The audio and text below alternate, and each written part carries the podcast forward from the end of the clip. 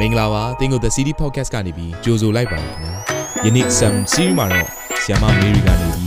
နှုတ်ကပတ်တော်ဝင်ငါမှာဖြစ်ပါတယ်မိမိရဲ့အသက်တာကိုကောင်းကြီးဖြစ်စေမယ်ဘုရားသခင်ရဲ့နှုတ်ကပတ်တော်နဲ့နီလန်းတွေကိုအတူတူကခံယူကြရအောင်ခင်ဗျာ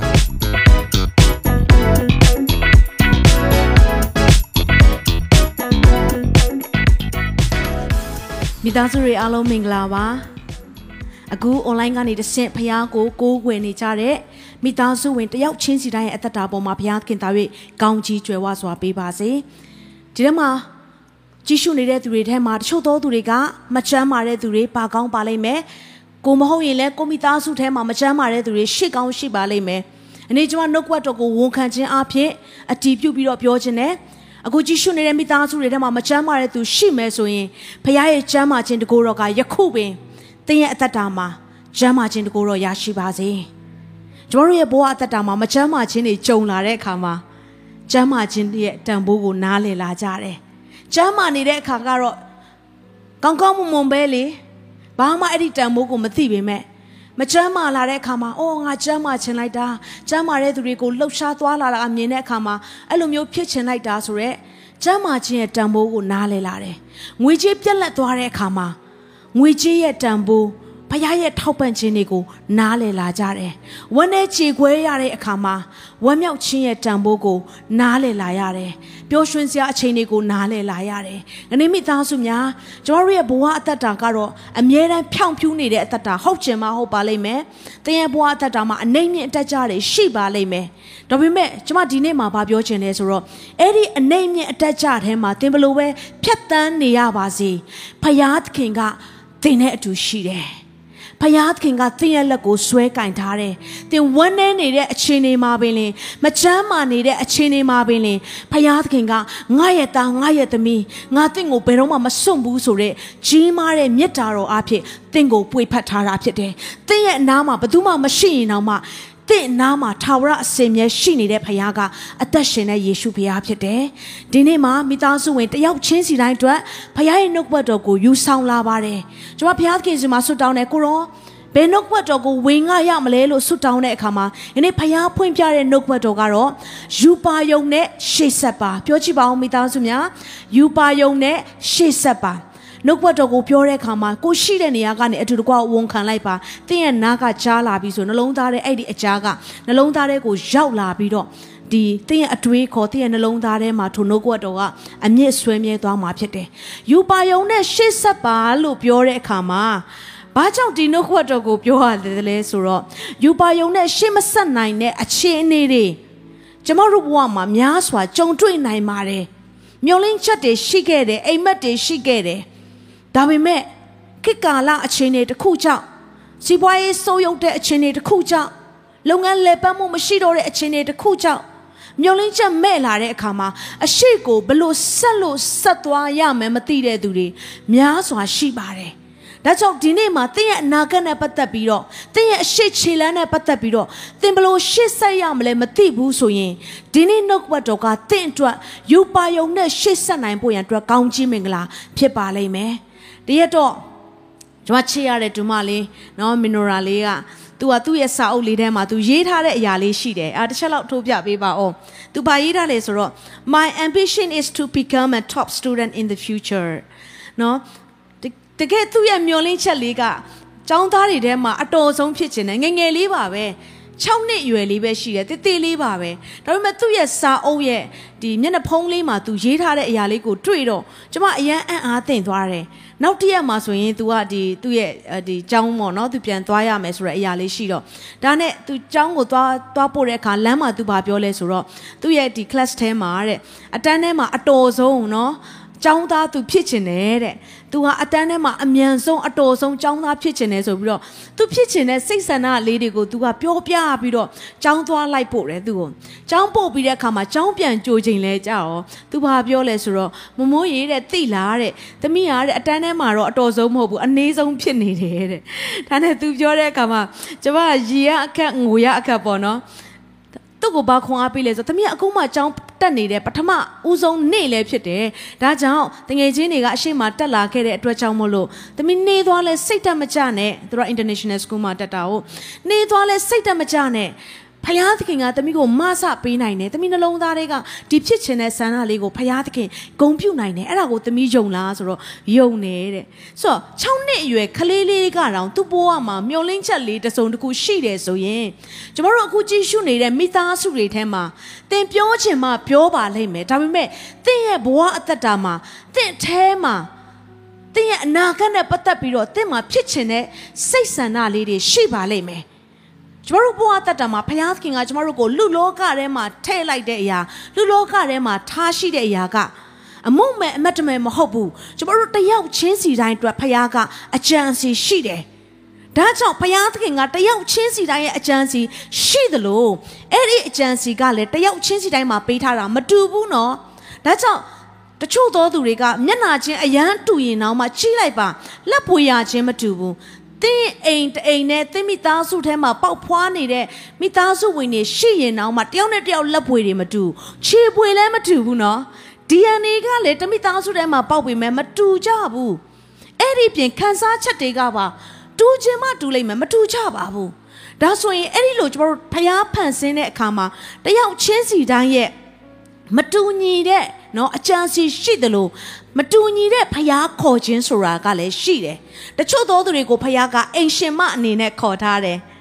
ဒီထဲမှာအိမ်ရှင်မတွေရှိပါလိမ့်မယ်နော်တချို့သောသူတွေကိုဖျားသခင်ကလုပ်ငန်းရှင်အနေနဲ့ခေါ်ထားတယ်တချို့သောသူတွေကိုကုမ္ပဏီဝန်ထမ်းတချို့သောသူတွေကိုအင်ဂျင်နီယာတချို့သောသူတွေကိုအမှုပညာနယ်ပယ်မှာမီဒီယာနယ်ပယ်မှာနောက်ဆုံးကျောင်းသားနယ်ပယ်လေးအထိ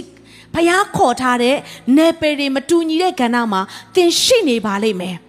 ဒါပေမဲ့မတူညီတဲ့ကဏ္ဍမှာသင်ရှိနေပေမဲ့တူညီတဲ့အရာတစ်ခုရှိတယ်အဲ့ဒါက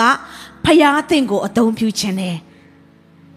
အခြေအနေကတော့မတူညီဘူးခေါ်ခြင်းတွေကမတူညီဘူးအကြံစီတွေကမတူညီဘူးတူညီတဲ့အရာတခုကဖယားသင့်အားဖြင့်အမှုတစ်ကိုပြုခြင်းနဲ့ဖယားသူ့ရဲ့နိုင်ငံတော်ခြေပြန့်ဖို့ရန်အတွက်တင့်ရှိတဲ့နေရာကနေပြီးတော့တင့်ရှိတဲ့နယ်ပယ်ကနေပြီးတော့ဖယားသင့်ကိုအသုံးပြုခြင်းနဲ့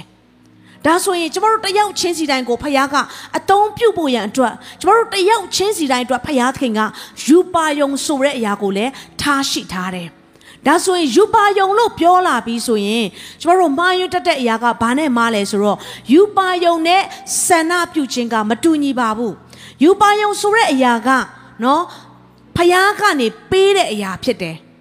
ယူပါယုံဆိုတဲ့အရာကဖယားသခင်တင့်ကိုအိမ်မက်ထဲကတော့လကောင်းဆွတောင်းတဲ့အခါမှာဖယားဖွင့်ပြတဲ့အရာတော်၎င်းနှုတ်ဘတ်တော်ဖတ်ရှုရင်းနဲ့မှဖယားစကားပြောလိုက်တဲ့ကြမ်းပိုက်ငယ်အားဖြင့်တော်၎င်း တင်းရဲ့အတွင်းဝိညာဉ်ထဲမှာတင်းတယောက်တည်းဆွတောင်းနေတဲ့အခါမှာအတွင်းဝိညာဉ်ထဲမှာစိတ်ချမှုရပြီးတော့အတွင်းဝိညာဉ်ထဲမှာဖျားပြောတဲ့အရာကိုခံစားရရှိခြင်းအဖြစ်တော်၎င်းသို့မဟုတ်တစုံတယောက်ကတင့်ကိုလာဆွတောင်းပေးခြင်းအဖြစ် prophet ပြုခြင်းအဖြစ်တော်၎င်းဖျားသခင်တင့်အပေါ်မှာထားတဲ့အရာများကိုယူပါယုံကိုယ့်ဘက်ကမဟုတ်ဘူးဖျားဘက်ကဖြစ်တယ်အဲ့ဒါက vision လို့ခေါ်တဲ့ယူပါယုံဖြစ်တယ်ဒါပေမဲ့ဆန္ဒပြုခြင်းကြတော့ wish ဖြစ်တယ် အိုကိုလိုချင်တဲ့အရာကိုယ့်ရဲ့စိတ်ကူးစိတ်တန်းကိုဖြစ်ချင်တဲ့အရာကိုမျောလင့်ထားတဲ့အရာလေးတွေဟိုတနေ့ကျရင်ဘယ်လိုမျိုးဖြစ်ရင်သိကောင်းမှာပဲဆိုတဲ့အရာလေးတွေကကိုယ့်ဘက်ကနေစတဲ့အရာကကိုယ့်ရဲ့ wish လို့ခေါ်တဲ့စိတ်ဆန္ဒလေးတွေဖြစ်တယ်။ဒါဆိုရင်ဒီနေ့ကျမပြောတဲ့အရာကတင့်ရဲ့စိတ်ဆန္ဒမဟုတ်ဘဲနဲ့ဘုရားကတင့်ကိုပေးတဲ့ယူပါယုံဘုရားကတင့်ကိုစကားပြောတဲ့အရာဘုရားကတင့်နှလုံးသားကိုတို့ထိပြီးတော့တင့်ရဲ့ဘဝအသက်အသက်တာအတွက် ဖျားကိုယ်တိုင်စိတ်ချမှုပေးတဲ့အရာဖြစ်တယ်။ဒါဆိုရင်ယူပါယုံနဲ့ပတ်သက်ပြီးတော့နော်ဒီအရာနဲ့ပတ်သက်ပြီးဖျားကပေးလာပြီးဆိုရင်တင့်ဘဝမှာဖျားသခင်ကတခြားသောသူတွေနဲ့မတူဘဲနဲ့ထူးခြားစွာတင့်ကိုအသုံးပြုခြင်းလို့ဖြစ်တယ်။ဒါကြောင့်အခြေပြုကျမ်းလေးကိုခဏလောက်ဖတ်ပြခြင်းပါတယ်။ယောမဩဝါဒစာအခန်းကြီး3အပိုင်ငယ်3ကနေ4အထိဖြစ်တယ်။ဆိုတော့အတူတကွရှိတဲ့နေရာကနေဖတ်ကြရအောင်။ သူတို့တွင်အချို့မယုံတော်လဲအဘယ်ဆိုပွဲရှိသနည်းသူတို့မယုံပဲနေခြင်းအရာသည်ဘုရားသခင်တစ္ဆာတော်ကိုဖျက်နိုင်သလောမဖြတ်နိုင်ရာတို့ဖြစ်၍မိန်တော်မူချက်သည်ဖြောင့်ပါ၏တရားစီရင်သောအခါအောင်မြင်တော်မူ၏ဟုကျမ်းစာ၌လာသည်နှင့်ညီလူခတ်သိန်းတို့သည်တစ္ဆာပြတ်တော်လဲဘုရားသခင်၏တစ္ဆာတော်သည် တည်စေတည်းဒီအရာလေးကိုဘသူပြောတာလဲဆိုရင်တမန်တော်ကြီးရှင်ပေါလုကပြောတာဖြစ်တယ်တမန်တော်ကြီးရှင်ပေါလုကသူဖယားကိုမေးတယ် for what if some did not believe အကယ်၍တဲ့တစုံတစ်ယောက်ကမယုံဘူးဆိုရင်ဘယ်လိုလုပ်ရမလဲတဲ့ကျွန်တော်ပြောပြစီယကျမတို့ရဲ့ဖျားဖွင့်ပြတဲ့ယူပါယုံတင့်ကိုပေးတဲ့ယူပါယုံအိမ်မက်တွေရှိလာတဲ့အခါမှာဖျားစကားပြောခြင်းတွေရှိလာတဲ့အခါမှာလူတိုင်းကတော့ယုံချင်မှယုံပါလိမ့်မယ် ဒါပေမဲ့အဲ့ဒီလိုမယုံတဲ့အခါတွေကိုလည်းတင်ကြုံတွေ့ရလိမ့်မယ်။အဲ့ရှင်ဘောလူရဲ့ဘဝအသက်တာမှာလည်းလူတွေမယုံနိုင်တဲ့အခြေအနေကိုကြုံရတဲ့အရာသူ့မှာများစွာရှိတယ်။ဘုရားသခင်ကိုယူပါယုံအိမ်မက်စကားပြောခြင်းဂတိတော်တွေအားဖြင့်ပြောလိုက်တဲ့အရာတစုံတစ်ခုရှိလာပြီးဆိုရင်တဲ့အဲ့ဒီအရာတွေကိုကိုကသိပြီးတော့ ဘသူမှမယုံဘူးဘသူမှလက်မခံဘူးဆိုရင်တော့မှဖခင်ရဲ့တကိုးတော်ကတင့်ကိုပြည့်စုံစေမယ်တဲ့ဘာကြောင့်လဲဆိုတော့နှုတ်ပတ်တော်ထဲမှာရေးထားတဲ့အရာကလူခတ်သိန်းတို့သည်တစ္ဆာပြတ်တော်လဲဖခင်သခင်၏တစ္ဆာတော်သည်တည်စေတည်းဖယားသခင်ကတစ္ဆာတည်တဲ့ဖယားသခင်ဖြစ်တယ်ဂတိထားတော်မူသောဖယားကဂတိတော်နဲ့ပြည့်စုံတဲ့ဖယားသခင်ဖြစ်တယ်လူတွေကတော့ပြောမယ်မင်းကတော့အတုံးမချပါဘူးမင်းရဲ့ချင်းကတော့ဒီလောက်ပဲရှိလို့ဒီလောက်ပဲရမှာပေါ့ မင်းမပညာမှမတတ်တာမင်းမအခွင့်အလမ်းကောင်းနေဆုံးရှုံးနေမှာပဲ။အော်မင်းပြောနေတဲ့အရာတွေကလေတဲ့တိုက်အိမ်စောင့်နေသလိုပဲဘယ်သူမှယုံမှာမဟုတ်ပါဘူး။မင်းရဲ့ background ကပြည့်စုံတဲ့မိသားစုကနေလာတာမှမဟုတ်တာ။မင်းမှာဒီလောက်အကျွေးတွေအများကြီးရှိတာ။ဘလို့ဖြစ်လို့မင်းကခရစ်တော်ထဲမှာကြွယ်ဝချမ်းသာတယ်လို့ပြောနိုင်ရတာလဲ။လူတွေကတော့တင်းရဲ့ယူပါယုံအနာဂတ်နဲ့ပတ်သက်ပြီးပြောတဲ့အခါမှာယုံချင်မှယုံပါလိမ့်မယ်။ တင်းကိုတင်းပြန်ကြည့်တဲ့အခါမှာလဲအော်ငါကအဲ့ဒီယူပါယုံနဲ့အလံဝေးကွာလိုက်တာဘလို့လို့ဖြစ်နိုင်ပါမလဲဆိုတော့တန်တရားနဲ့ရှိကောင်းရှိလိမ့်မယ်ဒါပေမဲ့ဖယားခင်ကအဲ့ဒီလိုတန်တရားရှိနေတဲ့အခြေအနေမှာတော့မှအလံဝေးနေတဲ့အခြေအနေမှာတင်းရဲ့ယူပါယုံနဲ့တင်းနဲ့အလံကွာဝေးနေတဲ့အခြေအနေမှာတဲ့ဖယားပေးတဲ့ထိုယူပါယုံကိုဆက်ပြီးတော့ကင်ဆွဲပြီးတော့ယုံနိုင်အောင်မလားတဲ့ ဒီမေကုန်းကတယောက်ချင်းစီတိုင်းအတွက်ဖြစ်တယ်။ခဏတင့်ကိုတင်ပြန်မေးရအောင်။ဘုရားငါ့ကိုပေးတဲ့ယူပါယုံတွေဂတိစကားတွေဖွင့်ပြချက်တွေဘုရားပြောတဲ့အရာတွေငါနဲ့အလံဝေးကွာနေတဲ့အချိန်မှာဆက်ပြီးတော့ဒီယူပါယုံကိုဆွဲကင်ပြီးတော့ယုံနိုင်အောင်မလား။အချိန်တွေကမဖြစ်တော်ညာလည်းပဲဆက်ပြီးတော့ယုံနိုင်အောင်မလား။ကြောက်ပြောပြစီဘုရားပေးတဲ့ယူပါယုံကိုစတင်ပြီးအကောင့်ထဲပေါ်တဲ့အခါတိုင်းမှာ စန့်ကျင်ဘက်ဖြစ်တဲ့အရာတွေနဲ့ကြုံတွေ့ရစမြဲဖြစ်တယ်။တရက်တော်လူတယောက်ကလာမေးတယ်။ကျွန်တော်ဘုရားရဲ့အလိုတော်ထဲမှာသွားတာပဲ။ဘုရားနှိမ့်သက်တဲ့အရာတွေကိုကျွန်တော်လုပ်တာပဲ။တန်ရှင်းတဲ့အသက်တာမှာလည်းကျွန်တော်နေတာပဲ။ဘာကြောင့်အလိုတော်လမ်းကိုသွားရင်းနဲ့မှပို့ပြီးတော့ခက်ခဲလာတာလဲ။ကျွန်တော်သိထားတဲ့အရာကအခွင့်တော်ထဲမှာသွားရင်ခက်ခဲတာမလား။ ကျွန်တော်တို့အားလုံးသိမှာပါအလိုတော်နဲ့အခွင့်တော်ရှိတယ်လေအလိုတော်ကကြတော့ဖျားနှစ်သက်တဲ့အရာဒါပေမဲ့အခွင့်တော်ကကြတော့ဖျားအခွင့်မပေးဘဲနဲ့ကိုကိုရိုင်းရယူပြီးစ조사ပြီးရယူတဲ့အရာလှုပ်ယူပြီးရယူတဲ့အရာဖြစ်တယ်ဆိုအခွင့်တော်ထဲမှာသွားရင်ပို့ပြီးတော့ခတ်တာမဟုတ်ဘူးလားဖျားသဘောမတူဘဲနဲ့လှုပ်တာလေအခုအလိုတော်ထဲမှာသွားပြီးတော့ဘာကြောင့်ပိုခတ်ခဲလာရတာလဲကြောက်ပြောပြစီအလိုတော်ထဲမှာသွားရင် အမြဲတမ်းလမ်းဖြောက်နေမယ်လို့နှုတ်ပတ်တော်ထဲမှာရေးထားသလားမရေးထားပါဘူးနှုတ်ပတ်တော်ထဲမှာကျမတို့ကြည့်တဲ့အခါမှာယေရှုရဲ့အသက်တာပင်လင်သူ့အလိုတော်ထဲမှာသွားလာမသွားဘူးလားသွားခဲ့တယ်ဒါပေမဲ့သူဘာကြုံလဲအလိုတော်ထဲမှာသွားပေမဲ့သူတို့ဘာတတ်တဲ့အရာကိုကြုံရလားကြုံရတယ်အလိုတော်ထဲမှာလည်းတက်ချင်းရှိတယ်နော်ဒါပေမဲ့အဲ့ဒီတက်ချင်းနဲ့မဆုံသွားဘူး ရှင်ပြန်ထမြောက်ခြင်းနဲ့အဆုံးတတ်တာဖြစ်တယ်။ဘုရားရဲ့အလိုတော်ထဲမှာသွားတယ်ဆိုရင်သင်သွားနေတဲ့တခြားမှာခက်ခဲမှုတွေရှိကောင်းရှိလိမ့်မယ်။ဒါပေမဲ့အဆုံးမှာပန်းတုံးတိုင်ဆိုတဲ့အရာကရှိစမြဲပဲဖြစ်တယ်။ယောသရဲ့ဘဝအသက်တာမှာလည်းအလိုတော်ထဲမှာသွားတာပဲ။တွင်းနဲ့ချတယ်ညီကိုတွေကအလိုတော်ထဲမှာသွားတာပဲ။ သူတို့ဘာသားမယားကိုပြစ်မားတယ်နော်အခုခေတ်နဲ့ဆိုရင်မဒိန်ကောင်မော့အဲ့လိုမျိုးရရဆက်ဆက်နာမည်တက်ရတာနာမည်တကနာမည်ထဲမှာတက်ရအခက်ဆုံးကအဲ့ဒီနာမည်လဲပါလိမ့်မယ်ခေါ်ရကြားရတာခက်တဲ့နာမည်ဖြစ်တယ်သူခေါ်ခံခဲ့ရတယ်အဆွဆွဲခံခဲ့ရတယ်သူယုံကြည်တဲ့သူတွေရဲ့သူ့ကိုစွန့်ပစ်ချင်းခံခဲ့ရတယ်အလိုတော်ထဲမှာသွားရင်းထဲမှာထောင်နေကြသွားတယ် ဒါပေမဲ့အဲ့ဒီအလိုတော်ထဲမှာတစ္ဆာရှိစွာသွားတဲ့အခါမှာနန်းတော်ရှေ့ရောက်ပြီးဒုတိယဘယင်ဖြစ်လာတယ်မဟုတ်ဘူးလား။ဒီနေ့မိသားစုများအလိုတော်ထဲမှာသွားတိုင်းလွယ်ကူနေမှာမဟုတ်ပါဘူး။လွယ်ကူတဲ့အချိန်မရှိဘူးမဟုတ်ဘူးနော်ရှိကောင်းရှိပါလိမ့်မယ်သို့တော်ညာလည်းပဲခက်ခဲတဲ့အချိန်တွေလည်းကြုံတွေ့ရနိုင်တယ်အဲ့ဒီအချိန်မှာအဲ့ဒီအလိုတော်ထဲမှာသွားရင်းနဲ့မှခက်ခဲတယ်ဆိုရင် ဒီနေ့ရှင်ပေါလုမေးသလိုပဲ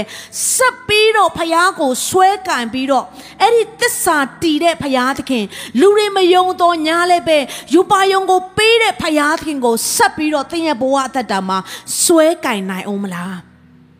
ဒီနေ့ဖယားပေးတဲ့ယူပါယုံအိမ်မက်ဂတိစကားတွေဖွင့်ပြချက်တွေ နာကနဲ့သက်ဆိုင်တဲ့အရာတွေကိုယ့်ရဲ့အတွင်းဝိညာဉ်ထဲမှာရရှိလာတဲ့အခါမှာအဲ့ဒီယူပါယုံနဲ့အတူဘလို့ရှေ့ဆက်ရမလဲဆိုတော့အချက်၃ချက်အားဖြင့်မိသားစုများကိုဝေမျှသွားမှာဖြစ်တယ်။ဒါကြောင့်နှလုံးသားကိုဖွင့်ပြီးတော့အယုံလွင့်ပြဲမဲ့အရာတွေကိုဖယ်ပြီးတော့နှုတ်ပတ်တော်ကိုခံယူပြီးတော့အတူတကွစားသုံးကြရအောင်။နံပါတ်1ကဘာလဲဆိုတော့တင့်ရဲ့ယူပါယုံကဘယ်ကနေရရှိလာတာလဲ။ ဒါကအရန်ကို basic ကြတဲ့မေကွန်ဖြစ်တယ်ယူပါယုံရှိတယ်ယူပါယုံရှိတယ်လို့တချို့သောသူတွေပြောတာသင်ကြားကောင်းကြားပါလိမ့်မယ်ဒါပေမဲ့သင်ရဲ့ယူပါယုံကဘယ်ကနေရလာတာလဲနော်ဒီ original dream ကဘယ်ကနေရလာတာလဲလူတချို့ကတော့ ယူပါယုံလို့ပြောတဲ့အခါမှာသူတို့ကနားလည်မှုလွဲတဲ့အရာလေးတွေရှိတယ်ကိုမိဘကဖြစ်စေခြင်းနဲ့ဥပမာကိုမိဘကသင်းအုပ်ဆရာဆိုရင်သားသမီးကိုသင်းအုပ်ဖြစ်စေခြင်းတဲ့အရာတွေရှိတတ်တယ်မိဘကဆရာဝန်ဆိုသားသမီးကိုဆရာဝန်ဖြစ်စေခြင်းနဲ့မိဘကအောင်မြင်တဲ့စီးပွားရေးလုပ်ငန်းရှင်ဖြစ်တဲ့အခါမှာသားသမီးကိုလည်းအောင်မြင်တဲ့လုပ်ငန်းရှင်ဖြစ်စေခြင်းနဲ့ဒါပေမဲ့သားသမီးကစီးပွားရေးကိုစိတ်မဝင်စားတဲ့အခြင်းတွေ မိဘကစီးပွားရေးလုပ်ငန်းရှင်ဖြစ်နေပေမဲ့သားသမီးက music musician ဖြစ်ချင်နေတယ် music ကိုစိတ်ဝင်စားနေတယ်အဲ့ဒီခါမှာသူဖြစ်ချင်တာကတခုဒါပေမဲ့မိဘဖြစ်စေချင်တာကတခုဒါနဲ့အိုးကိုဖြစ်ချင်တဲ့အတိုင်းမဖြစ်ပဲမိဘဖြစ်တဲ့အတိုင်းသွားမယ်ဆိုဖြစ်လိုက်ရတဲ့သူတွေရှိတယ်အဲ့ဒါကဘာလဲဆိုတော့ သူတို့ဘာယူပါယုံနဲ့အသက်ရှင်နေသူဖြစ်တယ်။ဘုရားစီကပေးတဲ့စိတ်ချမှုနဲ့မဟုတ်ဘူး။သူတို့ဘာငါ့ကိုဒီလိုလေးဖြစ်စေခြင်းလို့ငါဖြစ်အောင်လှုပ်လိုက်ပါမယ်ဆိုတော့သူတို့ဘာယူပါယုံနဲ့အသက်ရှင်နေသူကိုလည်းဘုရားခင်ကမဖြစ်စေခြင်းဘူး။တချို့သောသူတွေကဘယ်လိုလဲဆိုတော့ငငယ်ရွယ်ရွယ်တဲ့ကငယ်စဉ်တောင်ကြီးကလေးဘဝတဲ့ကမိဘရဲ့ဦးစားပေးမှုချစ်ခင်မှုနော်မိဘရဲ့ထွေးပွေးမှုကိုဂယုဆိုင်မှုကိုမခံရတဲ့အခါမှာမောင်နှမတွေထဲမှာနော်ပြစ်ပယ်မှုကိုခံရတဲ့အခါမှာနာကျင်ပြီးတော့နာကြီးချက်နဲ့အတူတနေ့ကျရင်ဒီမိသားစုတွေအားလုံးငါအကြောင်းကောင်းကောင်းသိရမယ်မိသားစုမောင်နှမတွေထဲမှာငါအတော်ဆုံးဖြစ်ရမယ်ဆိုတော့နာကြီးချက်နဲ့စူးစမ်းတဲ့သူတွေလည်းရှိတယ်အဲ့ဒါကတင့်ယူပါယုံမဟုတ်ဘူးနော်ဖယားကယူပါယုံပေးရင်နာကြီးချက်မထည့်ပေးဘူးတိုက်ဆိုင်မှုရှိရင်ခွင့်လွတ်ပါနော်မိသားစုတွေ ဖယားကယူပါယုံပေးတဲ့အခါမှာတနေ့ကျရင်ငါဖြစ်ရမယ်ဆိုတဲ့အရာကခံစားခဲ့ရတဲ့ငယ်စဉ်တောင်ကြီးဘဝတွေကနာကြီးချက်နဲ့လှုပ်ဆောင်တဲ့အရာကလည်းယူပါယုံမဟုတ်ဘူးနော်မားမှာဆိုလို့တေချာပြောတာဖြစ်တယ်တချို့သောသူတွေကလည်းကိုယ့်ရဲ့ဘဝအသက်တာမှာငယ်စဉ်တောင်ကြီးတွေကအယမ်းဆင်းရဲချုပ်တက်ခဲ့တာငပိရေကိုတော့မှရင်ွေးရောပြီးတော့ထပ်ပြီးတော့ အရေးကျဲကျဲထက်စားရတဲ့အယိုးတွေကိုထပ်ပြီးရင်ွေးရောပြီးစားရတဲ့တချို့ရှိတယ်အယမ်းဆင်းရဲချုပ်တက်ခဲ့တဲ့သူတွေရှိတယ်အဲ့ဒီအချိန်မှာသူတို့ဘာကဆွဆွဲတယ်တခိုးလို့ဆွဆွဲတယ်အရန်စင်ရဲလုံးလို့အပေါင်းအသင်းတွေမလုတ်ချင်ဘူးဆိုတဲ့သူတွေရှိကောင်းရှိတယ်ကြုံတွေ့ခဲ့ရတဲ့သူတွေရှိတယ်ကျွန်တော်မျက်စိရှိမာနေမှဖြစ်တယ်သို့တော်ညာလည်းပဲသူတို့ကြီးပြင်းလာတဲ့အခါမှာ ငါငငယ်တုန်းကငါ့ကိုနှိမ်ခဲ့တဲ့သူတွေအခုငါကြွယ်ဝချမ်းသာလာပြီငါမှကိုပိုင်ကားရှိလာပြီမင်းတို့အိမ်ရှိကိုတရက်၁၀ခေါက်လောက်ငါဖျက်ပြမယ်ဒီကိုပိုင်ကားနဲ့မမြင်မြင်အောင်တရက်ကို၁၀ခေါက်လောက်ဖျက်ပြနေတာအဲ့ဒါကလည်းယူပါယုံမဟုတ်ဘူးနော်တနေ့တစ်ချိန်ကျရင်ငါဒီလိုမျိုးကြွယ်ဝချမ်းသာပြီးမင်းတို့ကိုလှုပ်ပြမယ်ဆိုတဲ့အရာလဲယူပါယုံမဟုတ်ဘူးနော် ပြုပယုံဆိုတာဖရာသခင်စီကလာတာဖရာရဲ့ဂတိစကားကနေလာတယ်ဖရာကရဲ့ဖွင့်ပြချက်ကနေအတွင်းဝိညာဉ်ကနေလာတယ်ဖရာရဲ့ဆွတ်တောင်းပေးခြင်း prophet ပြုခြင်းတွေကနေလာတယ်နှုတ်ပတ်တော်ကိုဖတ်လိုက်လို့ဒီအရာကဖယားငါ့ကိုပြောရမယ်ချင်းတည်သွားရင်ဒီနှုတ်ပတ်တော်ကိုဆွဲကင်ပြီးတော့အဲ့ဒီယူပါယုံနဲ့အတူရှောင်းလန်းတတ်တဲ့သူတွေဖြစ်တယ်။အနေမိသားစုများ ဖခင်ကယူပါယုံပေးတဲ့အခါနာကြီးချက်နဲ့မပေးသလိုမခံကျင်စိတ်နဲ့လည်းမပေးဘူးသူတို့ကအိမ်မက်နဲ့လည်းတင့်ကိုပေးတာမဟုတ်ဘူးတင့်ကိုပိုင်အိမ်မက်နဲ့တင့်ကိုပိုင်ဖခင်ခေါ်ခြင်းနဲ့တင့်ကိုကိုယ်တိုင်နာမည်နဲ့တကွခေါ်ပြီးပေးတဲ့ယူပါယုံဖြစ်တယ်ဒါဆိုရင်ဖျားပေးတဲ့ယူပါယုံထဲမှာအမြဲတမ်းငြိမ်သက်ခြင်းအပြည့်ရှိတယ်စိတ်ချမှုအပြည့်ရှိတယ်မတ်မိမယ်လို့ယုံကြည်တယ်နံပါတ်1တစ်ချက်ကသင်ရဲ့ယူပါယုံကဘယ်ကနေလာတယ်လဲ နံပါတ်2တစ်ချက်ကဘာလဲဆိုတော့ဖျားပေးတဲ့ယူပါယုံကိုသင်ဘလို့အစာဖြူရမလဲဖျားပေးတဲ့ယူပါယုံလို့ပြောလာပြီဆိုရင်ယူပါယုံကိုအစပြုဖို့ဆိုရင် resource လို့ခေါ်တဲ့ထောက်ပံ့ခြင်းเนาะထောက်ပံ့မှုလိုအပ်တဲ့အရာလိုအပ်ပါတယ်နော်ဒါတွေကရှိရှိရမယ့်အရာတွေဖြစ်တယ်သို့တော်ညာလည်းပဲဒီအရာတွေကိုရလာဖို့ရန်အတွက်ဖယားသခင်က တင့်မှာမရှိတဲ့အရာတွေကနေအစမပြုပါဘူးတင့်မှာရှိတဲ့အရာကနေပဲဖယားသခင်အစပြုတယ်လူတော်များများကကိုယ်မှာမရှိတဲ့အရာကနေပြီးတော့အစပြုချင်ကြတယ်နှုတ်ပတ်တော်ထဲမှာကြည့်တဲ့အခါမှာထွတ်မြောက်အကျမ်းခန်းကြီး၄အပိုက်ငယ်နှစ်မှာတွေ့မယ်ဆိုရင်ဒီလိုကဖတ်ရအောင်ထာဝရဖခင်ကလည်းတင်ဤလက်၌အပေရာရှိသည်နည်းဟုမေးတော်မူလျင်လန်တန်ရှိပါ၏ဟုရှောက်၏ ဖခင်ကမောရှေကိုမေးတယ်မင်းရဲ့လက်ထဲမှာဘာရှိလဲမောရှေတဲ့မောရှေကပြန်ဖြေတယ်လန်တန်ရှိတယ်ကျွန်မစဉ်းစားတယ်ဖခင်သခင်ကိုရောကစัจ java လာတစ်ခုလုံးကိုတန်နော်ပိုင်တအုပ်ဆိုးနေမှတော့ဒီလန်တန်လေးကိုဘာကြောင့်နော်ဂယုစိုက်နေရတာလဲ ဥပမာမောရှေကိုဖခင်ကမောရှေရေမင်းကိုငါအသုံးပြုခြင်းနဲ့ဟိုကြောက်ပေးနာမှာလေကြောက်ကြောက်ဆောင်ကြီးပေးနာမှာငါဝတ်ထားတဲ့နော်ပဒံပြားအကြီးစားတစ်ခုရှိတယ်အဲ့ဒါကိုမင်းယူပြီးထုခွဲရောင်းချပြီးတော့ရလာတဲ့ငွေတွေနဲ့ဣသရေလလူတွေကိုကယ်လိုက်ပါလားမဟုတ်ဘူးဖခင်မေးတာလန်တန်တစ်သားချောင်းလေးတစ်ခုပါပဲဒါဆိုဖခင်ကမောရှေနဲ့စကားပြောတာပဲလေသူမမြင်ဘူးလားလန်တန်ရှိတာ မြင်းနဲ့ဖယားကမြင်းနဲ့မြင်းရဲ့သားနဲ့ဖယားကဘာကြောင့်မေးတာလဲရည်ရွယ်ချက်ကအဲ့ဒီလန်တန်ကိုငါအသုံးပြုချင်တယ်မင်းရှိတဲ့အစွမ်းအစလေးကိုငါသုံးချင်တယ်ဆိုတဲ့အတိတ်ပဲဖြစ်တယ်။အနေမိသားစုများဖယားကမောရှေကိုတွေ့တဲ့အခါမှာမင်းနှစ်ပေါင်း40လုံးတောထဲမှာနေလာတာမင်းဘလောက်ဆုဆောင်းမိပြီလဲမင်းရဲ့ရောက်ခမကကောမင်းကိုဘလောက်ထောက်ပံ့နေသလဲတခုမှဖယားသခင်မမေးခဲ့ဘူး။ မောရှေမင်းလက်ထဲမှာဘာရှိလဲတွေ့ရသားနဲ့မေးတာဆိုလိုရင်းဒီတွေ့ရသားနဲ့ဒီအရာအပြည့်အစပြုတ်ပေါ်ရန်ဖခင်ကအဲ့ဒီလန်ဒန်လေးရှိတယ်ဆိုတဲ့အရာကိုမောရှေကိုပြန်သတိပေးချင်တာဖြစ်တယ်အနေမိသားစုများတင်ဘဝအတ္တတာမှာသူတစ်ပါးကိုချိပြီးတော့သူတစ်ပါးလက်ထဲမှာရှိတဲ့စုကျေးဇူးသူတစ်ပါးလက်ထဲမှာရှိတဲ့အရေးအချင်းတွေ ability တွေကိုချိပြီးတော့ကိုကိုကိုတိမ်ငယ်နေဖို့မဟုတ်ဘူး ဖခင်ကသူတစ်ပါးအရေးချင်းနဲ့အစမပြုတ်ဘူးတင့်လက်ထဲမှာဘာရှိလဲအဲ့ဒီရှိတဲ့အရာကနေပဲဖခင်တကယ်အစပြုတ်ချင်တာဖြစ်တယ်တခါတည်းကျမတို့ကသူတစ်ပါးလက်ထဲမှာရှိတဲ့အရာကိုအယံသဘောကျတာအိုးကိုရောရဲ့သူ့လိုမျိုးပဲနော်အတန်အယံကောင်းပြီးတော့ဒီချင်းဆိုကြလိုက်တာယုံကြည်ခြင်းနဲ့ငါ worship ministry မှာဆက်ကပ်မယ်ဒါပေမဲ့ဘုရားသခင်ကကိုယ့်လက်ထဲမှာပေးတာအတန်ဆုကျေးဇူးမဟုတ်ဘူးလေ အတန်မတည့်တဲ့သူကတော့ worship leader ပဲဖြစ်နိုင်မှာမလဲနော်တခါမှမချက်ပြုတ်တတ်တဲ့သူက master chef မှာသွားပြန်ပြီးဘလို့ဝင်းနာရနိုင်မှာလဲကျွန်မပြောတာသဘောပေါက်မယ်ထင်တယ်သင်လက်ထဲမှာရှိတဲ့အရာကနေပဲဖရားအစာပြုတ်ခိုင်းတာနော်တခါတည်းသူတစ်ပါးတကားတွေကိုတွေ့ပြီးတော့အဲ့ဒီတကားတွေကိုလိုက်ဝင်ခြင်းတယ်ကိုရောရဲ့သူ့ရဲ့ငွေကြေးလေးနဲ့ကျွန်တော်ကိုမဆာဖို့သူနှလုံးသားကိုတိုးထိပေးပါ ကိုရောရဲ့ကျွန်တော်အဖြစ်ဘလို့လုံနိုင်မှာလဲလက်စုံတယောက်ကူညီဖို့ဟိုလူကူညီဖို့ဒီလူကူညီဖို့ကျွန်တော်ဆွတ်တောင်းတဲ့အခါမှာသူ့မျက်နှာလေးကိုမြင်ရလို့ကိုရောသူ့ကူညီဖို့မဆာပါကြော့ပြောပြစီ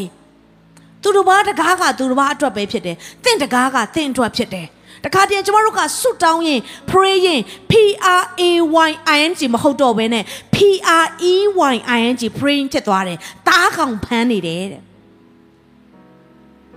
ဖះရှိမှတားကောင်ဖမ်းနေတယ်လို့ဖြစ်နေတယ် ဒီနေ့ဖះသခင်ကသူ့ရဲ့မျက်မှောက်တော်ကိုရောက်လာပြီဆိုရင်ဖះအရင်မင်းမဲ့အရာကတင့်ရဲ့လက်ထဲမှာဘာရှိလဲဆိုတာကိုပဲဖះအရင်မင်းမှာဖြစ်တယ်နှုတ်ကပတ်တော်ထဲမှာကြည့်တဲ့အခါမှာသူတို့ဘာပွင့်တဲ့တကားကိုသူတို့ဘာရဲ့တကားကိုအတင်းဝင်ဖို့ကြိုးစားတဲ့သူတယောက်အကြောင်းရှိတယ်ဆိုတော့အဲ့ဒါလေးကိုကျမတို့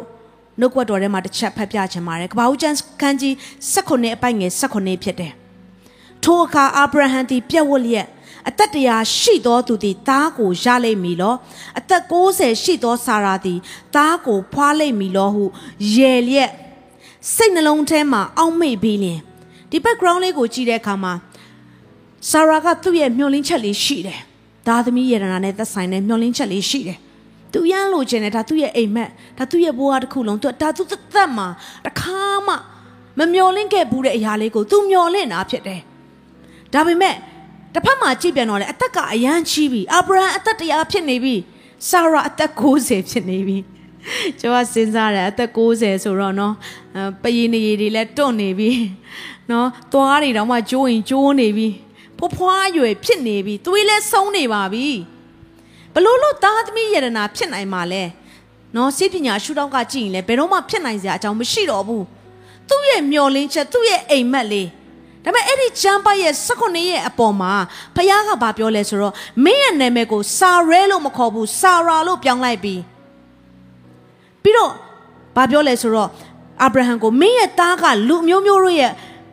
ဖခင်ဖြစ်မယ်လူမျိုးမျိုးတို့ကိုဥဆောင်တဲ့သူဖြစ်မယ်အပြည့်ပြည့်တို့ရဲ့ရှင်ဘုရင်ဖြစ်မယ်ဆိုပြီးတော့ကောင်းကြီးများစွာပေးလိုက်တယ်ကောင်းကြီးများစွာပေးပြီးမှဒီကျမ်းပိုက်ကိုဖခင်က နော်ဒီကျမ်းပိုက်16ကဆက်တွေ့ရတာဖြစ်တယ်အာဗြဟံကပြက်ဝတ်ပြီးတော့လူကတော့ပြက်ဝတ်နေပါတယ်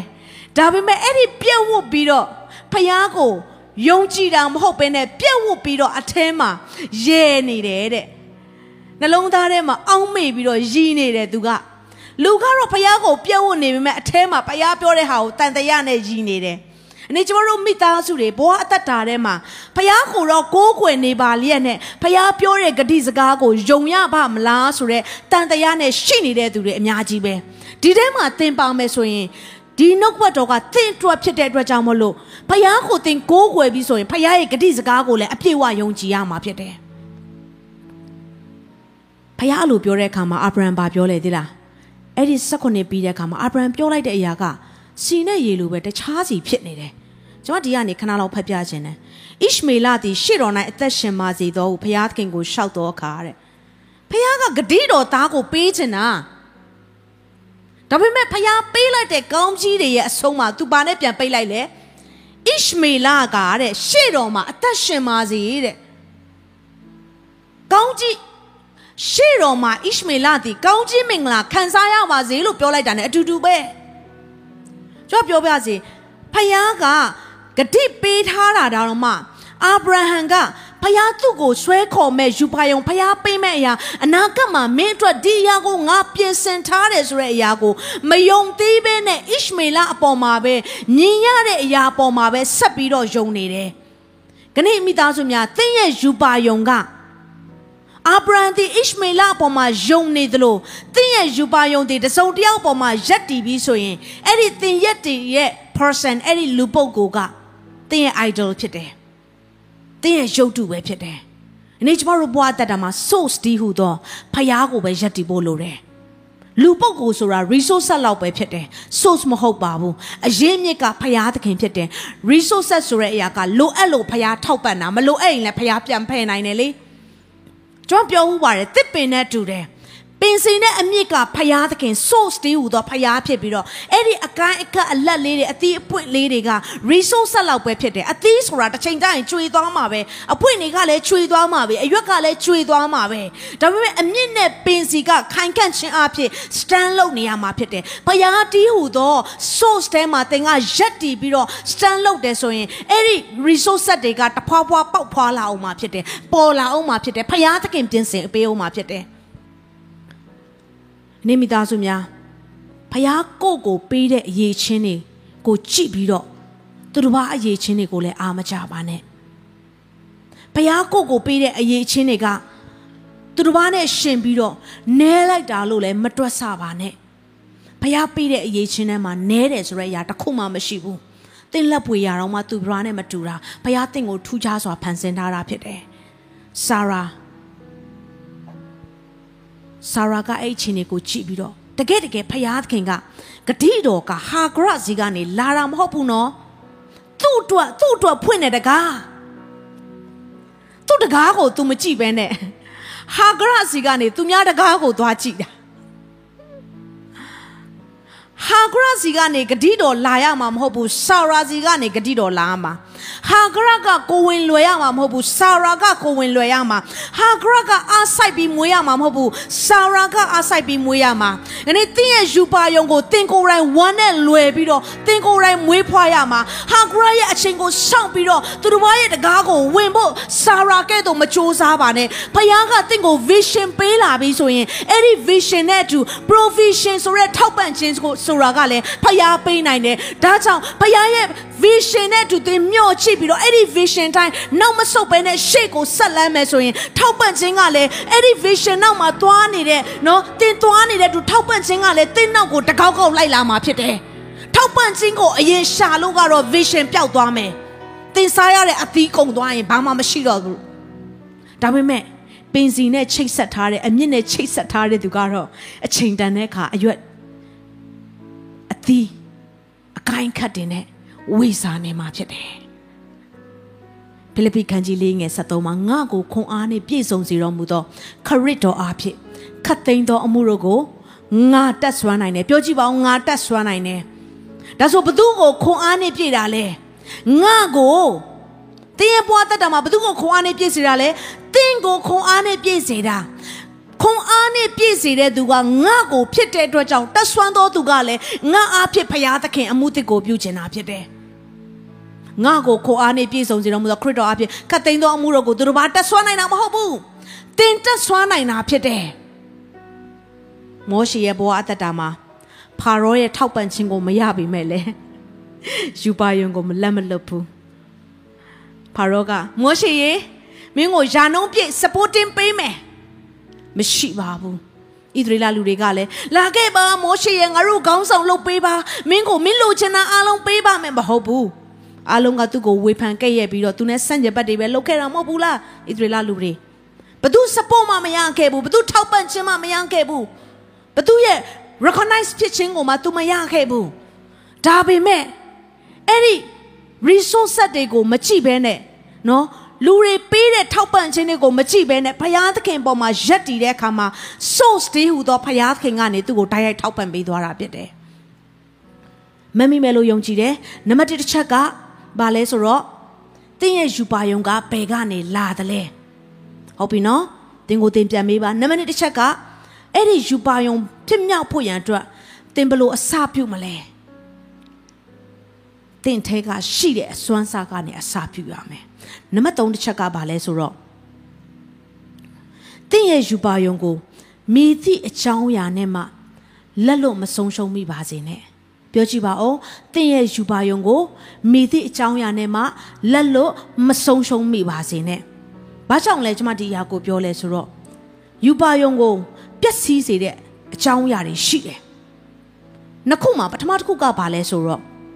international dream လို့ခေါ်တယ်ပြောကြည့်ပါဦး international dream အိမ်မက်ရန်ကြီးသွားတာတစုံတယောက်ရဲ့အောင်မြင်မှုကိုကြည့်ပြီးတော့ကြော်ကြားမှုကိုကြည့်ပြီးတော့သူ့လိုဖြစ်ချင်သွားတာ သူ့လိုဖယားငါ့ကိုအရန်တော့ရင်ကောင်းပါပဲသူ့လိုစီးပွားရေးအရန်အောင်မြင်ကောင်းပါပဲသူ့လိုမျိုးလှုပ်ဆောင်မှုကြော်ကြားမှုရရင်အရန်ကောင်းပါပဲဘာလို့တာလဲအဲ့ဒါ international dream လို့ခေါ်တယ်သူတို့ဘာရဲ့အောင်မြင်မှုကိုကြည့်ပြီးတော့သူ့လိုဖြစ်ချင်တယ်သူ့ရဲ့တသက်ခံချက်လေးကိုကြားပြီးတော့သူ့လိုဖြစ်ချင်တယ်။ချော့ပြောပြစီသူတို့ဘာနဲ့လိုက်တူမှတော့တင်းလက်ပွေရတူနေမှာပေါ့။ဖယားသင်ကိုဖန်ဆင်းတာမတူဘူးနော်တူကြစွာဖန်ဆင်းတာ တရက်တော့အမှုတော်ဆောင်တယောက်ကကျွန်မကိုလာမေးတယ်။ကျွန်တော်တို့ဒီအတင်းတော်ကတော့မဟုတ်ပါဘူး။သူကဘာလာမေးလဲဆိုတော့ပြင်ပဖြစ်တယ်။ကျွန်တော်ရဲ့ဆရာသမားတွေကအောင်မြင်တဲ့အခါမှာတဲ့ကျွန်တော်လည်းအဲ့လိုအရန်အောင်မြင်ခြင်းနဲ့တဲ့သူတို့ကိုဖျားသုံးသလိုဖျားနမိတ်လက္ခဏာတွေပြုနေသလိုကျွန်တော်လည်းအရန်ဖြစ်ခြင်းနဲ့တဲ့ဒါပေမဲ့ကျွန်တော်သူတို့လိုဖြစ်ခြင်းပေမဲ့ကျွန်တော်ကိုကျွန်တော်အဲ့လိုမျိုးဖြစ်ဖို့ရန်အတွက်စူးစမ်းနေပေမဲ့မဖြစ်လာတဲ့အခါမှာ ကျွန်တော်စိတ်သက်ကြလာတယ်တဲ့ဒါတာမန်လူပြောတာမဟုတ်ဘူးနော်အမှုတော်ဆောင်တော့ဖျားအတွက်ဆိုပြီးတည်တံ့ဖယ်ထားတဲ့သူကပြောတဲ့အရာဖြစ်တယ်ဘာတွေ့ရလဲဆိုတော့သူတို့ဘာကိုကြည့်ပြီးတော့အရန်ဖြစ်ခြင်းတဲ့အခါမှာဖြစ်မလာရင်စိတ်တက်ကြခြင်းဆိုတာအမြဲဝင်လာတယ်ဒါဆိုရင်သူတို့ဘာလို့ဖြစ်ချင်တယ်ဆိုပြီးတော့ international dream နဲ့သွားဖို့ဘုရားသခင်အလိုမရှိဘူး။တင့်ကိုယူပါယုံကြီးကြီးမုံမပေးကောင်းပေးလိမ့်မယ်။ဒါပေမဲ့သူတို့ဘာအိမ်မက်တိုင်းကတင့်အိမ်မက်ဖြစ်ချင်မှဖြစ်လိမ့်မယ်။ သူတို့ဘာအိမ်မက်တင့်လို့မဖြစ်လို့စိတ်တက်ကြသွားတဲ့သူတွေများစွာရှိတယ်။ counseling လုပ်ရပါတယ်။နောက်တစ်ခုကကြတော့ယူပါယုံကိုပျက်စီးစေတဲ့အရာကဘာလဲဆိုတော့ကို့ယူပါယုံကိုသေးတယ်ဆိုပြီးလက်လွတ်လိုက်တဲ့အရာဖြစ်တယ် international dream ဆိုပြီးသူသူတစ်ပါးလုံးမဖြစ်လို့ယူပါယုံမပြည့်စုံပဲကြာသွားတဲ့သူတွေရှိသလိုကို့ယူပါယုံသေးတယ်ဆိုပြီးလက်လွတ်လိုက်တဲ့သူတွေလည်းရှိတယ်နော် ယူပါယုံကိုဘုရားသခင်ပေးလာပြီးဆိုရင်ကြီးတယ်သေးတယ်ဆိုတဲ့အပေါ်မှာမမူတည်ပါဘူးမူတည်တဲ့အရာကယူပါယုံကို ပြည့်စုံစေလားမပြည့်စုံစေဘူးလားဆိုတဲ့အရာပေါ်မှာပဲမူတည်တာဖြစ်တယ်။သေးငယ်တဲ့ယူပါယုံဖြစ်လင်ကစားယူပါယုံတစ်သေးလေးပါဟုတ်ကဲ့လူတွေကပြောတယ်မင်းယူပါယုံကတော့သေးလိုက်တာကျွန်မပြောပြရစီသေးငယ်တဲ့ယူပါယုံမင်းဖြစ်လင်ကစားဘုရားသခင်ကဂုံပြူတတ်တယ်။အဲ့ဒီသေးငယ်တဲ့ယူပါယုံက ဘလောက်တောင်မှကြီးမားတဲ့အရာကိုဖြစ်စေနိုင်လဲဒီလိုပြောလိုက်တော့ယူပါယုံကြီးကြီးကမှမထားတော့ဘူးဒီနေ့ကစပြီးဆ iam မေရီပြောသလိုယူပါယုံတေးသေးလေးပဲထားမယ်ပြောတာမဟုတ်ဘူးတယောက်နဲ့တယောက်ယူပါယုံမတူဘူးတင်းမှာယူပါယုံတေးသေးလေးဆိုရင်တော့မှဖျားဂုံပြုတ်တတ်တယ်ဆိုတဲ့အရာကိုပြောခြင်းဖြစ်တယ်ယူပါယုံတေးသေးလေးပဲထားလိုက်ပေမဲ့အဲ့ဒီတေးသေးလေးကိုဖျားဂုံပြုတ်သွားတဲ့သူတယောက်အကြောင်းကိုကျွန်မပြောပြချင်တယ်သူ့နာမည်က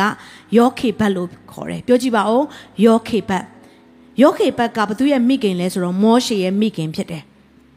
ယောခေဘက်ကယူပါယုံကအများကြီးမရှိပါဘူးသူ့ရဲ့ယူပါယုံတစ်ခုပဲရှိတယ်သူ့ယူပါယုံကလည်းအမျိုးသမီးတိုင်းလုံနိုင်တဲ့ယူပါယုံလေးဖြစ်တယ်တစ်သေးလေးပဲ I want to raise godly children နော်ဖခင်ကိုကြောက်ရွံ့ပြီးဖခင်အထဲမှာသွားလာတတ်တဲ့သားသမီးတွေကိုမြင့်တင်ပေးခြင်းနဲ့ဆိုရဲယူပါယုံလေးတစ်ခုပါပဲအိရှင်မရဲ့ယူပါယုံ မင်းမသားတယောက်ရဲ့ယူပါယုံမိခင်တယောက်ရဲ့ယူပါယုံလေးပါပဲလူတိုင်းကဒီယူပါယုံဆိုတဲ့အရာကိုကြားလိုက်တာနဲ့ဘယ်သူမှဂယုဆိုင်မှာမဟုတ်ပါဘူးအဲ့ဒီသေးငယ်တဲ့ယူပါယုံတည်သေးလေးပါပဲဒါပေမဲ့အဲ့ဒီခေတ်ကာလအခြေအနေမှာကြည့်တဲ့အခါမှာအဲ့ဒီခေတ်ကာလကဖာရောအုပ်ချုပ်တဲ့ကာလဖြစ်တယ်။ဖာရောရှင်ပြည်အုပ်ချုပ်ပြီးတော့ဣသရေလလူတွေကြုံခံရတဲ့အရာလည်းဖြစ်တယ်။ကြုံခံကြုံဘဝမှာလည်းရောက်ရှိနေတာဖြစ်တယ်။ဣသရေလလူတွေကကြုံဘဝမှာနှစ်ပေါင်းများစွာရောက်ရှိတဲ့အခါမှာနော် ကြုံဘာဝသွားတယ်ပေါ့နော်ကြုံဘဝပဲစဉ်းစားလိုက်ရင်ကြုံအတွေးစဉ်းစားလိုက်ရင်ကြုံကြုံကြုံစိတ်တက်နေပဲစဉ်းစားတဲ့အခြေအနေဖြစ်တယ်ကိုးကွယ်မှုမာယွင်းတဲ့ခက်ကာလဘုရားကိုကိုးကွယ်ဖို့နောက်ဆက်ညှဉ်းပန်းမှုကြီးစွာခံရတဲ့ကာလမှာယောခေဘက်ကသူ့ရဲ့သားသမီးတွေကိုဘုရားကိုကြောက်ရွံ့ပြီးဘုရားနဲ့သွာလာတတ်တဲ့သားသမီးတွေကိုမွေးဖွားပြီးမြင့်တင်ပေးခြင်းနဲ့ဆိုရယ်နှလုံးသားဆန္ဒလေးတစ်ခုတိတ်သေးလေးသူ့မှာရှိခဲ့တယ် သူက prophet Deborah လို့ဘုရားကြီးမဆိုသုံးတဲ့ prophet မကြီးဖြစ်ခြင်းနဲ့သူမရှိပါဘူးဘယင်မအေးသက်တာလို့တနိုင်ငံလုံးကိုကယ်တင်တဲ့သူဖြစ်ခြင်းနဲ့အကြီးကြီးသူဟာယူပါယုံမရှိပါဘူးလူတီတို့နော်ဟာနာတို့လို့ယူပါယုံနေလဲသူ့မှာမရှိပါဘူးသူဘယ်သူနဲ့မှမနိုင်ရှင်ဘူးသူယူပါလုံးယုံလေးကိုပဲကြီးပြီးတော့အဲ့ဒီယူပါယုံလေးပြည့်စုံဖို့အတွက်ကိုပဲသူစဉ်းစားတဲ့သူဖြစ်တယ်ယောကိဘတ် အဲ့ဒီယူပါယုံလေးနဲ့အတူဖာရောကအမိန့်ချတယ်နှစ်နှစ်အောက်ကလေးယောက်ျားလေးဣသရေလလူမျိုးတွေထဲမှာအကုန်တက်စေဆိုပြီးတော့အမိန့်ချလာတယ်ယောခေဘတ်ဘာလုပ်လဲကလေးကိုဝတ်ထားရတယ်တရက်ထဲဝတ်ထားတာမဟုတ်ဘူးနှစ်ရက်ထဲဝတ်ထားတာမဟုတ်ဘူးသုံးလပတ်လုံးမောရှေလေးကိုဝတ်ထားပြီးတော့ကလေးငိုတန်လေးကြားလိုက်ရင်အသက်ခံရမှာစိုးလို့ လူတွေမမြင်အောင်အတန်နေမချရအောင်တိတ်တဆိတ်ဝတ်ထားရတာအိမ်အောင်ရှင်မတွေတိကောင်းတိပါလိမ့်မယ်မိခင်တွေတိကောင်းတိပါလိမ့်မယ်ကလေးမွေးလာပြီဆိုရင်သင်ကလေးမွေးတယ်ဆိုတဲ့အရာကိုပတ်ဝန်းကျင်ကအမြဲတမ်းသိတယ်ကလေးငိုတန်ကြောင့်ပတ်ဝန်းကျင်အိမ်မရတဲ့အရာတွေတောင်ရှိကောင်းရှိတယ်နော်တချို့တွေဆိုရင်စဉ်းစားကြည့်အခုကကသုံးလပတ်လုံးမှာကလေးငိုတန်တစ်ချက်မှမထွက်အောင်သူဘလို့မျိုးထိန်းတာလဲ ကျွန်တော်စဉ်းစားတာအာတကယ်တကယ်ကြီးမားတဲ့မိခင်ပဲတကယ်အကောင်းဆုံးသောမိခင်ပဲကလေး၃လပတ်လုံးမှာဘယ်သူမှမသိအောင်တစ်ချက်ကလေးမှမငိုအောင်သူထိမ့်ထိမ့်သိမ့်သိမ့်နဲ့သူပြုတ်စုတာကျွန်တော်စဉ်းစားတယ်ညဘက်ဆိုရင်မိခင်ကအိပ်ပျော်သွားတဲ့အခါမှာကလေးကနှုတ်ဆိုင်ငိုမယ်လေကိုအိပ်ပျော်သွားတဲ့အချိန်ဆိုတာရှိနိုင်တယ်ဒါပေမဲ့ယောခေဘက်ကအဲ့ကလေးငိုတန်လေးကြားသွားရင်သူတို့ဘာကလေးကိုလာတက်ပြီးတော့မြစ်ထဲပစ်ချမှာဆိုလို့ သူခမညပက်လဲကျမစဉ်းစားတာသူညပက်လဲကောင်းမှုဆိုတာအိတ်နိုင်မှာမဟုတ်ဘူးကလေးပေတော့ငုံမလဲဆိုတဲ့အရာနဲ့ပဲ तू စိုးရင်ပူပန်ပြီးတော့အဲ့ဒီကလေးလေးကိုမျက်ခြေမပြတ်ဘဲနဲ့ तू ကြည့်ရှုနေတယ်ကလေးကိုလာတတ်မှာဆိုလို့ तू သူကိုယ်တိုင်ကာကွယ်ပေးနေတယ်ယူပါယုံဆိုတဲ့အရာကမာနကယူပါယုံကိုလာတတ်ဖို့ရန်အတွက်ဖာရောကဲ့သို့နည်းနည်းအောက်ကလေးတွေကိုတတ်တယ်လို့မာနကလည်းတင်းရဲ့ယူပါယုံကိုတတ်ဖို့ရန်အတွက်သူစ조사ပါလိမ့်မယ်အဲ့ဒီအချိန်မှာတင်ပါလောက်ရမလဲဆိုတော့တင်းယူပါယုံကိုဝေဝါးခြင်းမရှိအောင်ယူပါယုံကြန့်ကြာခြင်းမရှိအောင်တင်းရဲ့ယူပါယုံကိုတင်ပါလောက်ရမလဲ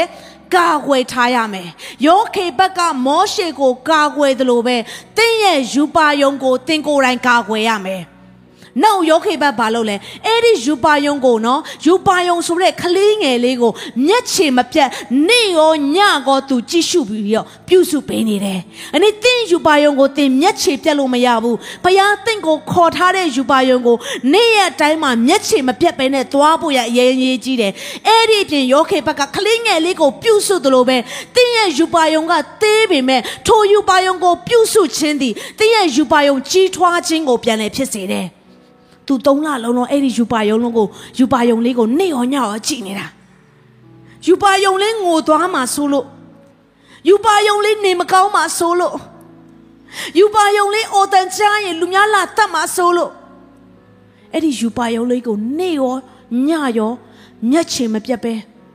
မျက်စိအောက်ကနေတောက်လျှောက်ကြည့်ရှုနေတာဘလောက်တောင်ကြာသွားလဲသုံးလပလုံးသူဖွက်ထားတယ်တခြားကလေးငယ်တွေ ယူပါယုံနဲ့မကြည့်ရှုတဲ့သူတွေကမြစ်ထဲမှာပြစ်ချပြီးတော့ကလေးငယ်တွေတက်ခံရတယ်။တနည်းအားဖြင့်ယူပါယုံနဲ့မြစ်ထဲမှာပြစ်ချပြီးတော့တေခြင်းကိုခံရပေမဲ့ယူပါယုံနဲ့ကြည့်ရှုတဲ့ယောဂီဘက်ကအဲ့ဒီယူပါယုံလေးယူပါယုံရှိတဲ့အတွက်ကြောင့်မလို့ဒီယူပါယုံကသူ့ကိုတွန်းအားဖြစ်စေပြီးတော့ဒီကလေးငယ်လေးကိုယူပါယုံနဲ့ပြုစုခြင်းဖြစ်တဲ့အတွက်ကြောင့်ဘယ်တော့မှ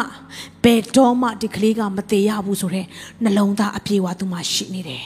အနေမိသားစုများတင့်ရဲ့ယူပါယုံကကလေးငယ်တယောက်လိုပဲမျက်ချင်မပြတ်ပါစေနဲ့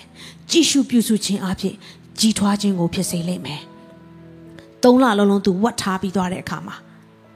မဝတ်နိုင်တော့တဲ့ကာလဖြစ်လာတယ်။အဲ့ဒါကဘာလဲဆိုတော့ယူပါယုံကကြီးလာပြီလေ။အရင်လိုယူပါယုံကအနီးနဲ့ပတ်ပြီးတော့မနေတော့ဘူးလမ်းလျှောက်ချင်လာပြီနော်သွားသွားချင်လာပြီခြေထောက်တွေလက်တွေရက်ကန်ရက်ကန်ဖြစ်လာပြီ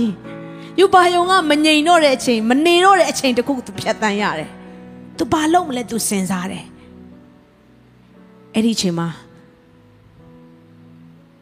तू ဘာလုပ်လဲဆိုတော့မောရှေကို၃လပတ်လုံးဝတ်ထားလို့မရတော့တဲ့အချိန်မှာ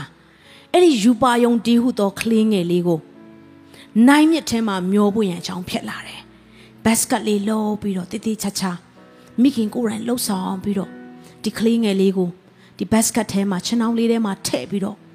ရေပေါ်မှာမျောရတဲ့အခြေအနေတစ်ခုရောက်လာတယ်။ကျွန်မပြောပြစီရေထဲမျောခြင်းသည်အနေရများစွာရှိပါတယ်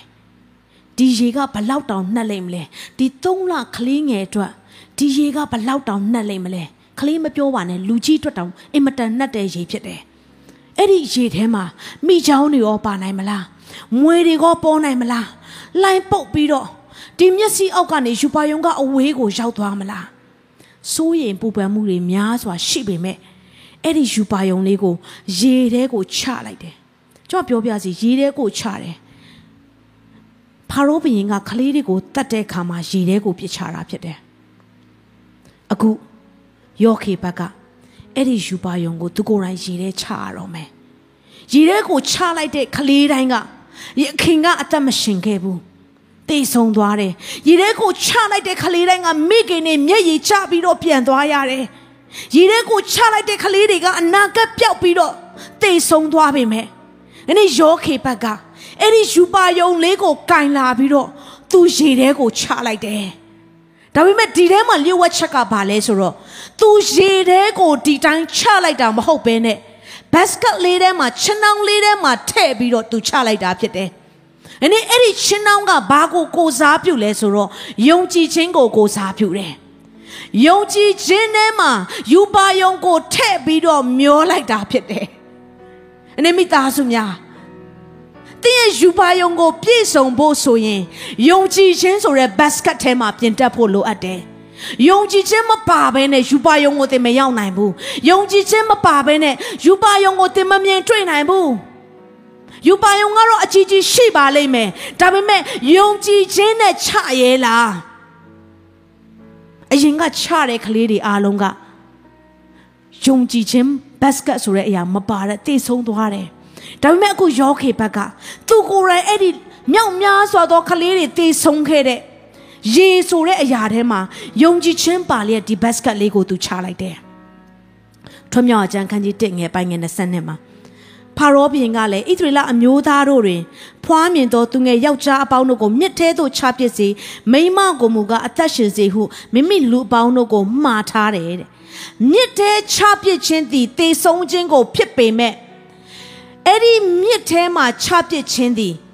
ယုံကြည်ခြင်းဒီဟုသောဘတ်စကတ်ပါတဲ့အခါမှာအသက်ရှင်ခြင်းကိုပြန်လည်ဖြစ်စေတယ်။ခဏ မွေတွေမိချောင်းတွေရေနက်ပါတယ်ဆိုတဲ့အရာတွေလှိုင်းပုတ်နိုင်ပါတယ်ဆိုတဲ့အရာတွေကသင်ရဲ့ဘဝအသက်တာမှာသင်မင်းအရေးတွေဖြစ်တယ်။အဲ့ဒီသင်မင်းအရေးထဲမှာရှိနေပေမဲ့ယုံကြည်ခြင်းနဲ့သင်ယူပါယုံကိုချလိုက်တဲ့အခါမှာနော်ဘတ်စကတ်ဒီဟူသောယုံကြည်ခြင်းနဲ့ယူပါယုံဒီဟူသောကလင်းငယ်ကိုပေါင်းဆက်တဲ့အခါမှာအသက်ရှင်ခြင်းဖြစ်လာတယ်။အနည်းစီးပွားရေးလုပ်တဲ့သူများယူပါယုံနဲ့ကြည်မြင်ပါ။ သင်ရဲ့စီးပွားရေးကအခုကြရှုံးနေပေမဲ့ဘုရားသခင်ကဒီစီးပွားရေးကိုပြန်လဲဥမော်တဲ့အခွင့်ကိုပေးအောင်မယ်ဆိုတာယုံကြည်ခြင်းနဲ့ကြည်မြင်ပါဖြစ်နိုင်ပါမလားဆိုပြီးသင်တွေးနေကြတဲ့ကအဲ့ဒါကတန်တရားဖြစ်လာပြီ။အနေတန်တရားဆိုတဲ့အရာကိုဖယ်လိုက်ပါ။ကျမရဲ့လက်ထဲမှာအရန်တန့်စင်တဲ့နွားနို့တစ်ခွက်ရှိတယ်ဆိုပါစို့။အဲ့ဒါကနော်တကယ်ကိုနယူးဇီလန်ကနွားနို့အကောင်စား full cream မှထားလိုက်ပါအောင်။ အရန်တက်မာတယ်ဆိုတော့နွားနို့အကောင်းစားဖြစ်ပေမဲ့အဲ့ဒီနွားနို့ထဲမှာမစင်တစက်ဝင်သွားတယ်ဆိုရင်တင့်ကိုတိုက်မယ်ဆိုရင်တင့်တောက်ပါမလားမတောက်ဘူးเนาะကျွန်တော်ပြောမယ်လေ69တသမ99က pure milk လေ1တရားကိုင်နှုံးလေးပဲတရားကိုင်နှုံးလေးပဲမတတ်တာတင်တောက်မလားမတောက်ဘူးတန်တရားဆိုတာအဲ့ဒီမစင်လို့ပဲ တန်တရားဆိုတန်တရားနဲ့တင်ဘတ်စကတ်ချနေမယ်ဆိုရင်ယောခေဘတ်ချဖြစ်မှာမဟုတ်တော့ဘူးတန်တရားမပါဘဲနဲ့ရေထဲကိုချတတ်ဖို့လိုအပ်တယ်ယုံကြည်ခြင်းနဲ့ခြေလန်းလန်းမှာခနေ့2021မှာဆုံးရှုံးသွားတဲ့သူတွေစီးပွားရေးဆုံးရှုံးသွားတယ် ကြေကွဲခြင်းတွေနဲ့ဖြတ်တန်းရတယ်အကျွေးမြည်တွေတင်ခြင်းတွေနဲ့ဖြတ်တန်းရတယ်ဆိုရင်ခနေ့2022က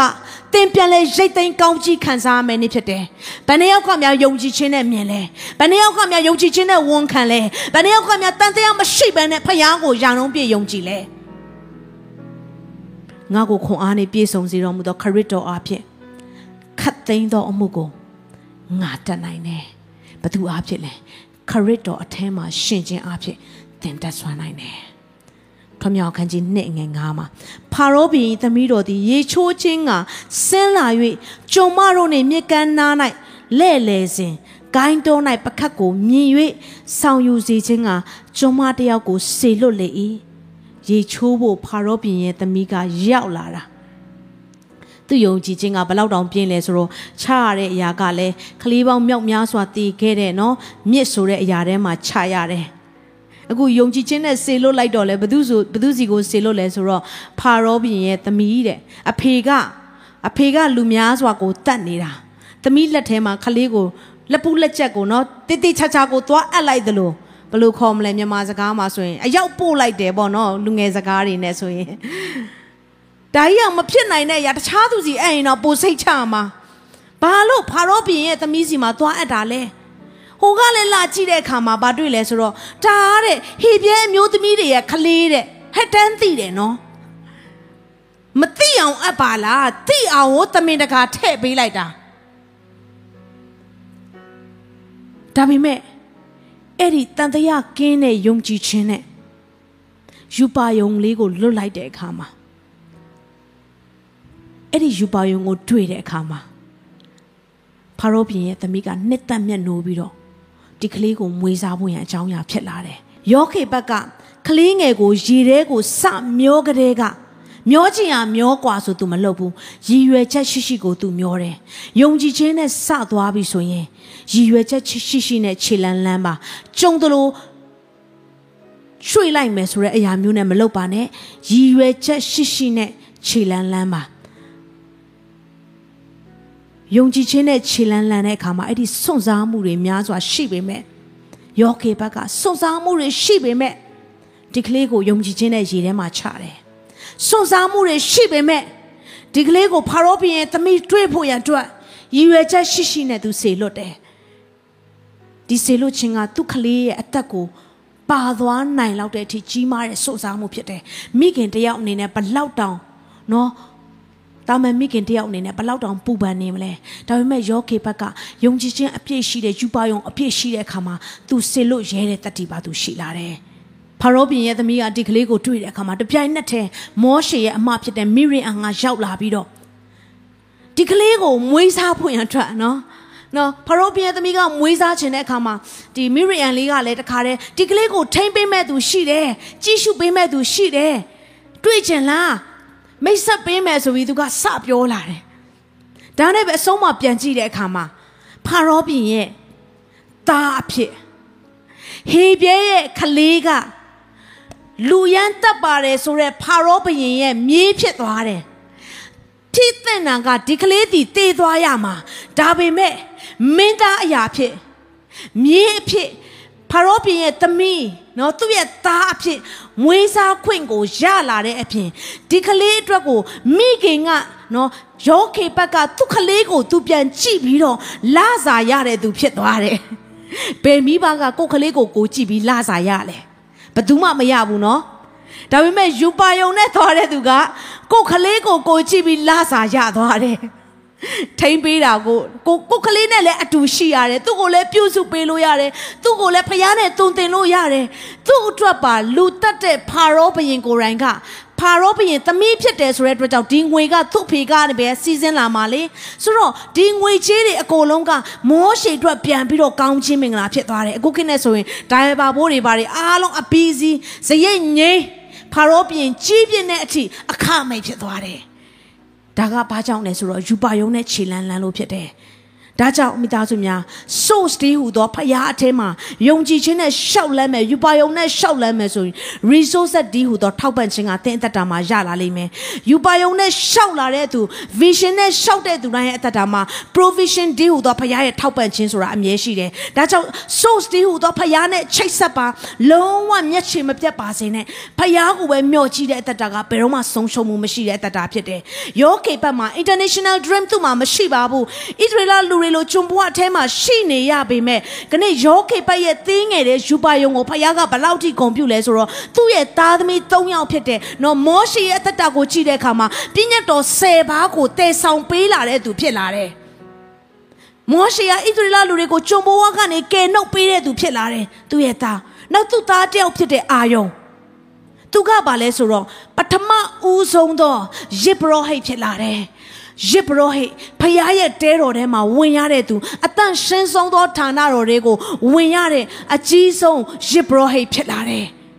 သားသမီးတွေတက်ရောက်ချင်းစီတိုင်းကောင်းစားတာကောင်းစားတာနောက်ဆုံးတူကြီးသောသမီးဖြစ်တဲ့မီရီယန်အသက်တာကြီးတဲ့အခါမှာပင်လယ်နီကိုဖျက်ပြီးတဲ့အခါမှာဘုရားကိုချီးမွမ်းကိုးကွယ်တယ်ဣသရေလလူတွေကကားလျက်ခုံလျက်ချီးမွမ်းလျက်အဲ့ဒီကိုးကွယ်ခြင်းပထမဦးဆုံးသော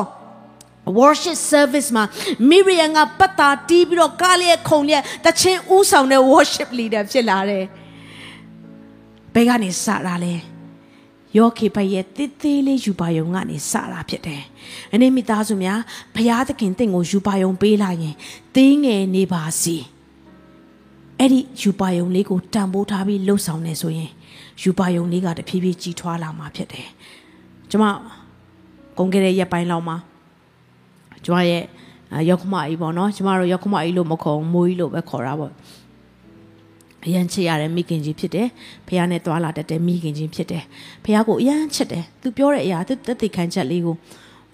ကျွန်မသူ့ကိုအခွင့်ပေးပြီးတော့သူစီကနေတင်ယူလေ့လာတာပေါ့နော်သူဘာပြောလဲဆိုတဲ့အရာထဲမှာသူပြောတဲ့အရာထဲမှာသူ့ရဲ့သားတွေကိုသူပြုစုတဲ့အခါမှာတဲ့ငါကိုပိုင်အနေနဲ့တဲ့အမိုးကြီးရဲ့ကိုပိုင်အနေနဲ့ဘယ်တော့မှမပြုစုဘူးတဲ့အငါငါကသူငါဖြစ်တယ်ဆိုတဲ့အရာနဲ့သူပြုစုတယ်တဲ့ဘာကြောင့်လဲဆိုကိုကိုပိုင်ဆိုရင်ကိုလိုချင်တဲ့နေရာအတိုင်းပဲကိုဆေလွတ်တော့မှာလေကိုဖြစ်ချင်တဲ့ဆန္ဒတွေပဲသူစီမှာရိုက်သွင်းတော့မှာလေဒါပေမဲ့သူငါအနေနဲ့ ထိမ့်သိမ့်တဲ့အခါမှာဖယားသခင်ဒီကလေးတွေကိုပြုစုပါဆိုပြီးတော့ဖယားနီလန်းတိုင်းမှာသွားနိုင်သွားဖို့ရန်အတွက်ဆွဲခေါ်နိုင်တယ်သူငါအနေနဲ့ပြုစုတဲ့အခါမှာငါမပိုင်ဘူးဖယားပိုင်တယ်ဆိုတဲ့အရာဖြစ်တယ်သူငါအနေနဲ့ပြုစုတဲ့အခါမှာငါကသစ္စာရှိတဲ့နော်ငယ်သားကောင်းတာရုသစ္စာရှိတဲ့ငယ်သားကောင်းအနေနဲ့ပြုစုရမယ်ဆိုတဲ့နှလုံးသားမျိုးသူဖြစ်လာတယ်အနေကျမတို့မိသားစုများတိတ်တိတ်လေးပါပဲယူပါယုံနော်တင့်ရဲ့သားသမီးပဲဖြစ်နေပါစေတင့်ရဲ့စီးပွားရေးပဲဖြစ်နေပါစေတင့်ရဲ့လုပ်ငန်းပဲဖြစ်နေပါစေတင့်ရဲ့အမှုဆောင်ခြင်းပဲဖြစ်နေပါစေတိတ်တိတ်လေးဖြစ်ပေမဲ့ဒီအရာလေးကိုမပေါ့ဆပါနဲ့မီးတောင်မှအမိုက်ကလေးအမိုက်တိတ်တိတ်လေးကနေမီးလောင်နိုင်ရင်အိမ်လို့တစ်ခုလုံးကိုပြာချနိုင်တယ်ရက်ကွက်တစ်ခုလုံးကိုတောင်ပြာချနိုင်တယ်ဆိုရင်အဲ့ဒီယူပါယုံလေးတိတ်တိတ်လေးကိုအမှုမဲ့အမတ်တမဲ့မထားဘဲနဲ့တေချာစနစ်တကျပြုစုပါယူပါယုံကိုနေညဖတ်တွယ်ပြီးတော့ပြုစုပြီးခြေလန်းလန်းမှာဖယားသခင်ကတင်းရဲ့ယူပါယုံကိုဂုံပြုခြင်းနဲ့ဖယားဖြစ်တယ်တခါတည်းကျမတို့ယူပါယုံတွေက ကျမတို့အရှိတဲ့တဲ့မှာအရန်အကွာဝေးသွားတဲ့အခါမှာ giant လိုပဲလူဘလူးလိုပဲဖြစ်တတ်တယ်နော်ယူပါယုံကအရန်ကြီးတယ်ဘယ်တော့မှဖြစ်လာနိုင်ပါတော့မလဲဒီလောက်ကြီးမားတဲ့ယူပါယုံငါ့အပေါ်မှာဘလို့ပြည့်စုံနိုင်ပါလဲငါဘဝငါအရှင်နေနဲ့ဖြစ်နိုင်ပါမလားဆိုပြီးလက်လျှော့တက်ကြတယ်ကျွန်မဘဝမှာလည်းဒီအချင်းတွေကိုကြုံခဲ့တယ်ကျွန်မဘဝမှာအိမ်အောင်စကြတဲ့အခါမှာအရန်ခက်ခဲလို့နဲ့ ခက်ခဲလို့နဲ့တစ်ဖက်မှာလည်းအသင်းတော်ကဒီ August မှာစတယ်ဆိုရင်2012 August မှာစတယ်ဆိုကျွန်တော်တို့အိမ်အောင်ပြူတာကဒီ2012အောက်တိုဘာဂျားထဲမှာတစ်လပဲချားတယ်အသင်းတော်စပြူတဲ့အချိန်နဲ့ဒီဘက်ကအိမ်အောင်ဘဝတစ်ကိုတီထောင်တဲ့ချိန်အသင်းတော်ကလည်းအစပြုတဲ့ချိန်နှစ်ခုစလုံးကတိုက်ဆိုင်တဲ့အခါမှာအလုတ်ကလည်းစပြီးတော့အသစ်ဝင်တဲ့အချိန်ဖြစ်တယ် အရန်ခက်ခဲတဲ့အခါမှာအိုးတနင်္ဂနွေနေ့မှာဆိုဆရာကလက်သီးလက်မောင်းတန်းပြီးတော့ကြွေးကြော်တယ်ဖခင်သခင်ကောင်းမြတ်ပါတယ်ကျွန်တော်အပေါ်မှာဖခင်သခင်ကောင်းမြတ်ပါတယ်ကျွန်တော်မိသားစုပေါ်မှာသူကြွေးကြော်တယ်ဖခင်သခင်တတ်နိုင်တယ်ဆိုတဲ့အရာကိုကြွေးကြော်ပြီးတော့ဝန်ခံနေတယ်ဒါမှတနင်္ဂနွေနေ့မှာကြွေးကြော်ပြီးသွားတဲ့အခါမှာတနင်္လာနေ့မှာစားစရာမရှိတော့ဘူးဘလို့လုံးမလဲငါတို့စားစရာမရှိတော့ဘူးတောက်စရာမရှိတော့ဘလို့လုံးကြမလဲတယောက်နဲ့တယောက်ကြည့်တဲ့အခါမှာလဲနော်ရောင်းစရာပေါင်စရာဆိုလို့ဘာပဲရှိလဲဆိုတော့မင်္ဂလာလက်စွပ်တယောက်တခွေမှရှိတယ် တို့မင်္ဂလာလက်စွပ်လေးကိုသွားပေါင်ပြီးတော့မှနော်လူငယ်တွေကိုပြုစုဖို့ရန်အတွက်ဒီဟာလေးနဲ့သွားပြီးတော့ sell တွေ home sell တွေသွားဖို့ရန်အတွက်လူငယ်တွေစီအရောက်သွားပြီးတော့ပြုစုဖို့ရန်အတွက်ဒါလေးပဲရှိတယ်ဆိုတော့ဘာလို့ ਆ လဲဆိုတော့ Sunday မှာဖခင်ကောင်းမြတ်ကြောင်းကိုပြောပြီးဖခင်တက်ဆွမ်းခြင်းတွေကိုပြောပြီးတော့ Monday မှာအပေါင်ဆိုင်မှာသွားတန်းစီနေရတဲ့အခြေအနေရှိတယ်မရှက်ဘူးလားရှက်တာပေါ့ဘုရားသခင်တတ်နိုင်တယ်ဆိုဘာကြောင့်အပေါင်ဆိုင်မှာရောက်နေတာလဲ မဖြစ်သင့်ဘူးလေဘသူကအော်ဖြစ်ချင်မလဲကိုရောကိုရောထားတဲ့ယူပါယုံနေနဲ့အရန်ဝေးကွာသွားသလိုခံစားရတယ်နောက်ဆုံးဆိုင်ကလူတွေတောင်သိနေတယ်။အော်အရင်လက်စွပ်ပဲစစ်တောင်မစစ်တော့ချက်ချင်းတန်းယူတော့တယ်။ယူပါယုံတွေကအရန်ဝေးသွားပြီလား။ကိုရောမှုတော်မြတ်ထဲမှာအသုံးပြုခြင်းနဲ့ကြီးမားစွာအသုံးပြုခြင်းနဲ့အခုကျွန်တော်တို့အပေါင်းဆိုင်မှာဖယားပုံးတော့ဘလို့ထင်ရှားမလဲကိုရော အဲ့ဒီအချိန်တိုင်းမှာဆရာကကျွန်မကျွန်တော်တို့ဇနီးမောင်နဲ့လက်ကိုတွဲပြီးဆွတောင်းတယ်ကိုရောယူပါယုံတွေကအရန်အလံဝေးနေတယ်ကိုရောဘလို့လောက်ရမလဲဖယားဆရာအဖြစ်စကားပြောလာတယ်တို့ရဲ့အချိန်တွေကတို့ရဲ့အချိန်တွေကဒီမှာတင်ဆုံးသက်သွားမှာမဟုတ်ဘူးဖယားဆွဲခေါ်မဲ့အမြင့်ဆုံးနေရာရှိအောင်မယ်ဆက်သွားရမှာဖြစ်တယ်တရားခဏတာပဲလမ်းခုလက်ပဲဖြစ်တယ် ယူပါယုံကိုသွားနေတဲ့အခါမှာမပြည့်စုံသေးတဲ့လမ်းခုလက်ပဲဖြစ်တယ်ဖယားသခင်ကပြည့်စုံစေမယ်မဖြစ်နိုင်တော့ဘူးဆိုတဲ့အချိန်တွေမှာမရက်ပဲနဲ့အဝေးမှာဖယားခေါ်တဲ့ယူပါယုံကိုလမ်းကြည့်ပြီးတော့မနှက်ဖြန်အတွက်စားစရာမရှိလဲပဲယူပါယုံနဲ့ဆက်သွားအောင်မယ် ဒီလက်စွပ်ကိုဘလို့ရွေးရမလဲမသိတော့ဘူးအချိန်နေမှာတော့မှဖယားသခင်ငါတို့ကိုဆက်ပြီးတော့ဆွဲခေါ်အောင်မယ်ဆက်ပြီးတော့လူငယ်တွေကိုပြုစုအောင်မယ်ဒူးစိတ်ထဲမှာရောက်နေတဲ့လူငယ်တွေကိုဖယားသခင်စီရောက်အောင်ဆွဲခေါ်ပေးအောင်မယ်အဲ့ဒီနှလုံးသားနဲ့ဖြတ်ကျော်တဲ့အခါမှာအဲ့ဒီကြာခဲ့သမျှမျက်ရည်တွေကိုဖယားပြန်တုပ်ပေးပါတယ်လမ်းခုလက်မှာအလိုတော်ကိုလိုက်ရင်းနဲ့မှဝမ်းနေခဲ့ရတဲ့အရာတွေလည်းကြုံခဲ့ရပါတယ် အလိုတော်ကအမြဲတမ်းမဖြောင့်ဖြူနေပါဘူးသို့တော်ညာလည်းပဲအဆုံးမှာဘုရားထားတဲ့ပန်းတိုင်ဆိုတာရှိတယ်ဒီနေ့မိသားစုများကျွန်တော်တို့ဘဝအသက်တာမှာကြုံတွေ့နေအရာကကျွန်တော်တို့ဘဝမှာဖြတ်ကျော်သလိုပဲသင်ဘဝမှာအချင်းလေးဇိုးတွေကြုံတွေ့နေရတယ်ဆိုရင်ဘုရားသခင်ကသင်ကိုယူပါယုံနဲ့အရှိဆက်ပါအောင်ယူပါယုံနဲ့ငါသင်ကိုဆွဲခေါ်ခြင်းသေးတယ်ဒါသင်ရဲ့လမ်းဆုံးမဟုတ်ဘူး ယူပါယုံထဲမှာငါတင်းကိုဖွင့်ပြခြင်းနဲ့ယူပါယုံထဲမှာငါတင်းကိုစကားပြောခြင်းနဲ့ယူပါယုံထဲမှာအနာဂတ်နဲ့သက်ဆိုင်တဲ့အရာတွေကိုငါခြေလန်းလန်းစေခြင်းနဲ့တင်းရဲ့ယုံကြည်ခြင်းဆိုတဲ့ဘတ်စကကိုစတင်ပြီးတော့တင်းပြင်ဆင်နေပါတော့ယူပါယုံကိုအဲ့ဒီဘတ်စကလေးထဲမှာထည့်ပြီးတော့စွန့်စားရမယ့်အခြေအနေတွေတစ်ခုကိုရောက်လာအောင်မယ်သို့တော်ညာလေပဲအဆုံးမှာအဲ့ဒီယူပါယုံကိုပြေဆုံးစေမယ်ဒါကြောင့်ဒီချိန်မှာမိသားစုများခဏလောက်ကိုယ့်ရဲ့နှလုံးသားနေရာမှာလက်ကိုတင်ပြီးတော့ ကိုရောကျွန်တော်ဘွားကျွန်မဘွားယူပါယုံကိုလမ်းမျောချဖို့ရန်အတွက်အလံဝေးကွာနေတဲ့အချိန်အနာဂတ်ဝေဝါးနေတဲ့အချိန်တွေရှိပါတယ်။သို့တော်ညာလည်းပဲကျွန်တော်ယုံကြည်တယ်ကိုရောကိုရောကဘယ်တော့မှတစ္ဆာမပြတ်ဘူး။ကိုရောကတစ္ဆာရှိစွာကျွန်တော်ကိုဆွဲခေါ်အောင်မယ်။ဘုရားသခင်ဤတစ္ဆာတော်သည်တည်စေတည်းလူခတ်သိန်းကတစ္ဆာပြတ်နေပေမဲ့ ဖခင်ကဘယ်တော့မှတစ္ဆာမပြတ်တဲ့ဖခင်ဖြစ်တယ်။ဒါကြောင့်ဒီချိန်မှာကိုရဲ့နှလုံးသားနေရာမှာလက်ကိုတင်ပြီးတော့ကိုရောဒီ2020နှစ်မှာအရှိကိုဘယ်လိုဆက်သွားမလဲဆိုရဲမသိဘူး။ရှင်းလင်းတဲ့ယူပါယုံကိုရောပေးပါ။ယူပါယုံကိုဖွင့်ပြပါအနာဂတ်ကိုဖွင့်ပြပါအောင်။ကိုရောပေးတဲ့ယူပါယုံနဲ့အတူကျွန်တော်အများကြီးရှေ့ဆက်ခြင်းနဲ့ကိုရောကျွန်တော်ရဲ့ခြေလမ်းတွေကသေးကောင်းသေးပါလိမ့်မယ်။လမ်းတဲ့အရာတွေကခြေကောင်းခြေခြင်းပါလိမ့်မယ်။နေကောင်းနေပါလိမ့်မယ်။ သို့တော်ညာလည်းပဲအဲ့ဒီသင်းငယ်တဲ့ခြေလန်းလေးယူပါယုံကိုယောခေဘက်ကိုကိုရောဂုံပြုသလိုကနေသင်းငယ်တဲ့ခြေလန်းလေးကိုကိုရောဂုံပြုပေးပါကိုရောဂုံပြုအောင်မယ်ဆိုတော့ကျွန်တော်အပြေအဝယုံကြည်ပါတယ်။တန်တရားကင်းစွာကိုရောကိုယုံကြည်ပါတယ်။ဒီခြေလန်းရဲ့အဆုံးမှာကိုရောတာဝန်ယူခြင်းတွေကိုတာ၍ခံစားရအောင်ဖြစ်တဲ့အတွက်ကိုရောကိုယေရှုတင်ပါတယ်ဆိုပြီးနှလုံးသားများကိုပြန်လဲစက္ကန့်အနမ်းရအောင်။အိုးဒီချိန်မှာဖခင်နဲ့ပြန်စကားပြောပါအချိန်လေးခဏပါပဲ။ဒါပေမဲ့ဒီအချိန်ရှိတဲ့အချိန်လေးမှာ တင်အိမ်မှာဒီအရာကို online ကနေကြည့်ချင်ကြည့်လိမ့်မယ်နော်တင်တယောက်တည်းအရာပေါ်မှာရှေ့ကောင်းရှေ့လိမ့်မယ်မချမ်းမာပဲနဲ့ရှေ့ကောင်းရှေ့လိမ့်မယ်သို့တော်ညာလေးပဲဒီမချမ်းမာခြင်းတွေကြုံတွေ့နေရတဲ့ခက်ခဲခြင်းတွေကြုံတွေ့နေရတဲ့မျက်ရည်ချခြင်းနဲ့အကျွေးတွေကြုံတွေ့နေရတဲ့အနာဂတ်တွေပျောက်နေတဲ့အချိန်တွေမှာဖယားသခင်ကိုရောပေးတဲ့ယူပါယုံနဲ့တူကျွန်တော်ရှေ့ဆက်ခြင်းနဲ့ကျွန်တော်ဘယ်တော့မှနောက်ကိုပြန်မလဲဘူးစားစရာမရှိတော့မှကိုရောယူပါယုံကကျွန်တော်ပေါ်မှာဆက်ပြီးတော့ပြည့်စုံအောင်မယ်ဆိုတာကျွန်တော်အပြည့်အဝယုံကြည်တယ်ဆိုတဲ့နှလုံးသားနဲ့ဖယားစီကိုသွားပါ အနေဖရာသခင်တောင်းဝယူမယ်။ तू ဘယ်တော့မှကျမတို့ကိုလက်မလွတ်ဘူး။ तू ကျမတို့ကိုဆွဲကင်ထားတယ်။ကျမတို့ကိုတစ်စိမ့်မတစ်စိမ့်ဆွဲခေါ်တဲ့ဖရာသခင်ဖြစ်တယ်။ဟာလေလုယာ။ကိုရောကိုယေရှုတင်ပါတယ်။ကိုရောကိုတာ၍မျောလင့်ပါတယ်ဖ။ဟာလေလုယာခီရီယန်တဲ့တဲ့တဲ့ကိစ္စ။ဟာလေလုယာဒီအစီအစဉ်လေးအပြင်တင်းရဲ့အသက်တာမှာကောင်းကြီးဖြစ်မယ်ဆိုတာကိုကျွန်တော်ယုံကြည်ပါတယ်ဗီဒီယိုကြည့်ပြီးခံယူလို့ဒီများအတွက်အပတ်စဉ်တရားဟောခြင်းများ Bible Study